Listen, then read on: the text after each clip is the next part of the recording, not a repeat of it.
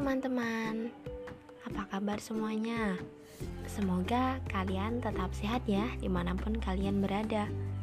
Oh iya, selamat datang di podcast edukasi. Nah kali ini aku Tia Susiati Rahayu Dari mahasiswa pendidikan sosiologi Fakultas Ilmu Sosial Universitas Negeri Malang. Aku bakalan nemenin kalian nih untuk beberapa menit ke depan ya dan tentunya masih membahas seputar media pembelajaran nih guys. Nah, kalau di episode pertama dulu kita bahas tuh tentang perbedaan media pembelajaran dan sumber belajar.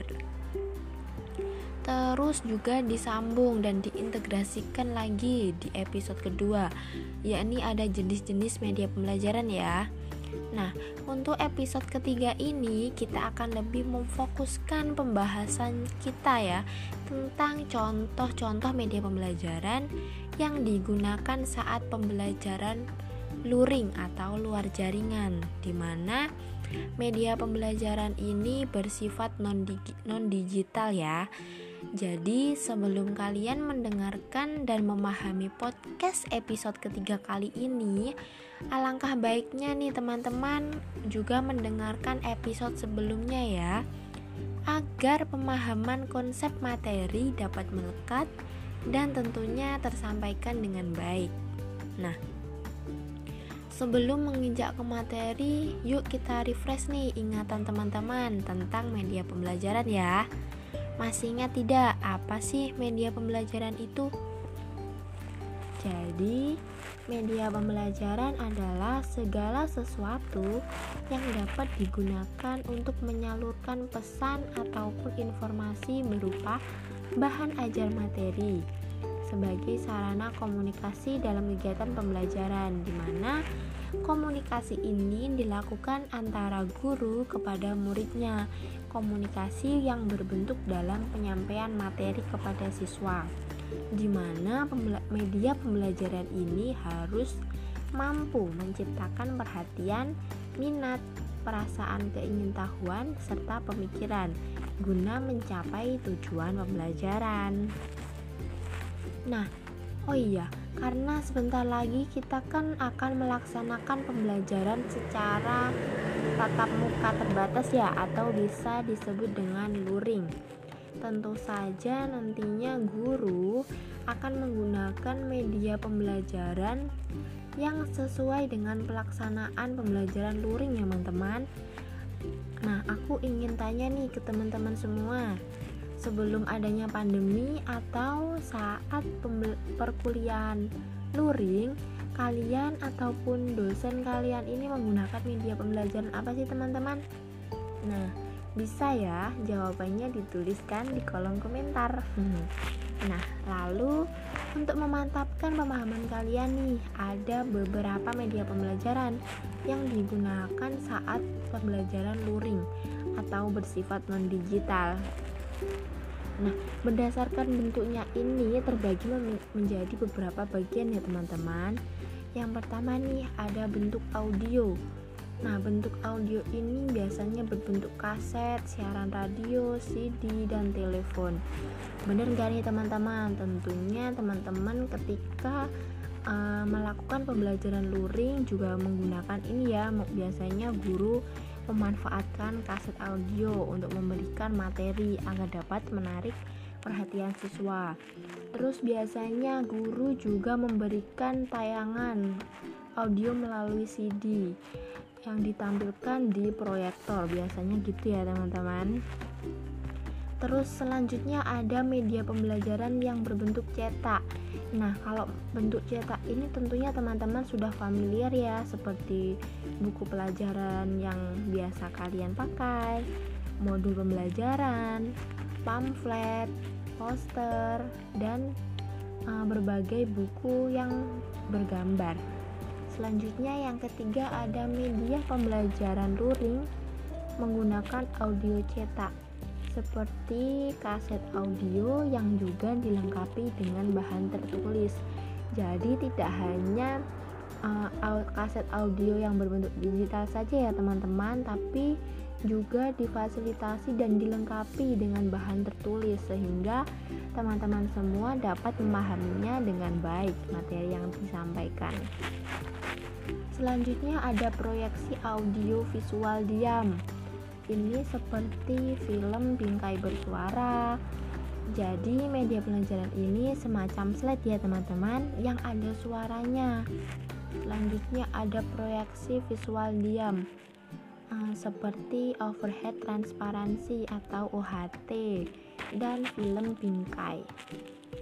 Nah, poin selanjutnya ada visual gerak yakni media pembelajaran yang uh, yang dapat dilihat dan juga bergerak seperti film bisu. Nah, dalam hal ini biasanya guru ketika untuk memantapkan materi pembelajaran ya, contohnya mengenai pembelajaran G30 SPKI. Tidak mungkin dong guru akan um, menyuruh teman-teman untuk melakukan kegiatan seperti G30 SPKI ya. Jadi guru dapat memanfaatkan media pembelajaran visual gerak dengan menayangkan video atau tayangan berupa film kepada teman-teman terkait materi pembelajaran peristiwa G30 SPKI begitu ya teman-teman Oke, selanjutnya ada audio visual gerak. Audio visual gerak ini seperti uh, video, VCD, dan televisi. Sudah sangat familiar ya teman-teman tentunya. Oke, selanjutnya ada objek fisik, yakni objek yang dapat dilihat dan disentuh secara tiga dimensi. Biasanya ini juga sangat mudah ditemui di sekitar kita ya teman-teman. Seperti model spesimen manusia binatang tumbuhan dan benda-benda lainnya. Selanjutnya ada manusia dan lingkungan ini merupakan subjek ya dalam proses pembelajaran tapi nyatanya manusia dan lingkungan itu juga bisa menjadi media pembelajaran seperti guru kita, dosen, pustakawan di perpustakaan, laboran, alam sekitar, profesi, dan aktivitas manusia. Selanjutnya ada komputer. Kalau ini sih kalian tentunya sudah mempunyai ya. Setiap anak pun tentunya juga saya yakin kalian juga memiliki laptop ataupun notebook dan hal itu juga bisa dijadikan sebagai media pembelajaran. Nah, dalam komputer ini terdapat CAA, CAA yakni pembelajaran ber, berbantuan komputer dan CBI yakni pembelajaran berbasis komputer. Selanjutnya ada alat peraga. Oh iya, teman-teman. Alat peraga ini macam-macam ya. Uh, tergantung kalian ini minat dalam jurusan atau bidang apa yang sedang kalian tekuni tentunya. Semisal saya nih mahasiswa pendidikan sosiologi di mana uh, nantinya saya akan memberikan pembelajaran sosiologi. Nah nantinya ketika saya menjadi guru akan menjelaskan mengenai bentuk-bentuk Eh, kerumunan atau solidaritas sosial. Nah, nantinya saya ataupun guru dapat menggunakan alat peraga teman-teman berupa prototipe manusia yang sedang berkerumunan atau bentuk-bentuk e, dari solidaritas atau bentuk-bentuk kelompok yang ada dan sedang melakukan interaksi sosial. Nah, itu kalau di bidang sosiologi ya, teman-teman. Tapi kalau teman-teman seumpama dari jurusan IPA nih eh, gurunya mau memberikan materi tentang susunan kerangka dan pembuluh darah. Tidak mungkin dong ya guru guru kalian akan uh, memperlihatkan tulang-tulang kalian atau uh, merobek uh, nadi kalian untuk melihatkan pembuluh darah tentunya guru akan memberikan alat peraga nih sebagai media pembantu untuk menjelaskan uh, tentang konsep materi pembuluh darah sehingga kalian tidak hanya berimajinasi mengenai pembuluh darah itu apa sih tapi kalian juga dapat melihat bentuk prototipe yang telah disajikan oleh gurunya. Nah dari sekian penjelasan di atas apakah kalian sudah memahaminya nih tentang media pembelajaran yang dapat dijadikan uh, referensi dalam pembelajaran luring ya teman-teman. Oke, sekian dulu ya penjelasan mengenai media pembelajaran non digital atau pembelajaran uh, saat luring. Semoga apa yang disampaikan dapat bermanfaat ya.